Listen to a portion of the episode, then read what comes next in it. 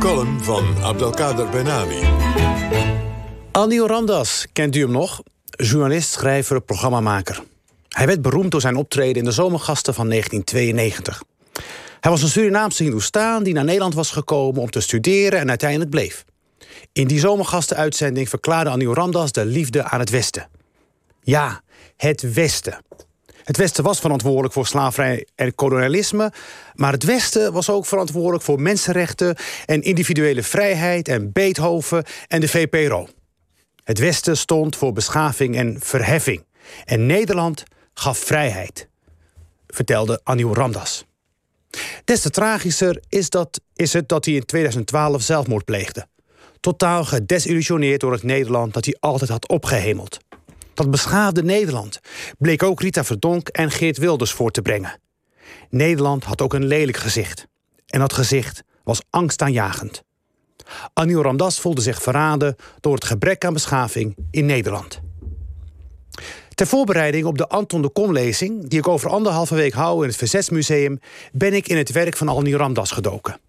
De essays zijn prachtig geschreven. Hij schrijft over zijn reis vanuit Nikiri met zijn uitgestrekte reisvelden naar Paramaribo en daarna Nederland. Anil Ramdas vertelt over het lot van de migrant die altijd tussen wal en schip zal vallen. Voor Anil Ramdas was de kern van het migrant zijn dat je altijd onzeker bleef over je positie in de wereld. Je hoorde nooit ergens echt bij. Maar gelukkig was er kunst, want kunst beschermde de migrant en gaf hem een huis in de wereld. Gisteren verscheen er een prachtig artikel van de Hagenaar Hitzir Sengis op de website van de correspondent, waarin, waar Anil Ramdas, als hij had geleefd, heel blij van zou worden. Hitzir is opgegroeid in de Schilderswijk, waar afgelopen zomer wat vervelende relletjes waren. Misschien weet u het nog. En Hitzir komt tot de conclusie dat ook de opstandige jongeren in de Schilderswijk behoefte hebben aan kunst. Van de imam mocht Hitzir geen foto's maken, want dat was zonde.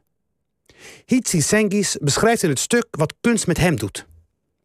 Wie kunst maakt, leert schaven, leert nadenken over de stappen die hij moet nemen. Als je het maakproces serieus neemt, moet je afstand nemen, durven opnieuw te beginnen, kijken naar hoe anderen werken en welke keuzes zij maken. Je moet accepteren dat je moet ploeteren en graven. Kunst verheft, kunst ontroert. In het beroemde Pietà-beeld van Michelangelo ziet Senkis Maria die haar zoon Jezus vasthoudt, maar hij ziet ook een moeder die zich liefdevol bekommert om haar zoon. Kunst, zo vertelt Sinkons ons, leert ons om het leven te verdragen, om elkaar lief te hebben, ook in de Schilderswijk. Kunst zal ons redden, ook wanneer er niemand is om ons vast te houden. Anil Ramdas en Sengis schudden elkaar hier de hand. Zonder kunst geen menselijkheid. Ja, Abdelkader, dankjewel. Uh, mooi ook dat je Amil Ramdas nog even naar voren haalt. We, we wachten natuurlijk allemaal op de biografie, geloof ik, die Karin Ahmad Moedkrim gaat schrijven over hem. Want uh, hij is een man die herdacht mag en moet worden. Dankjewel.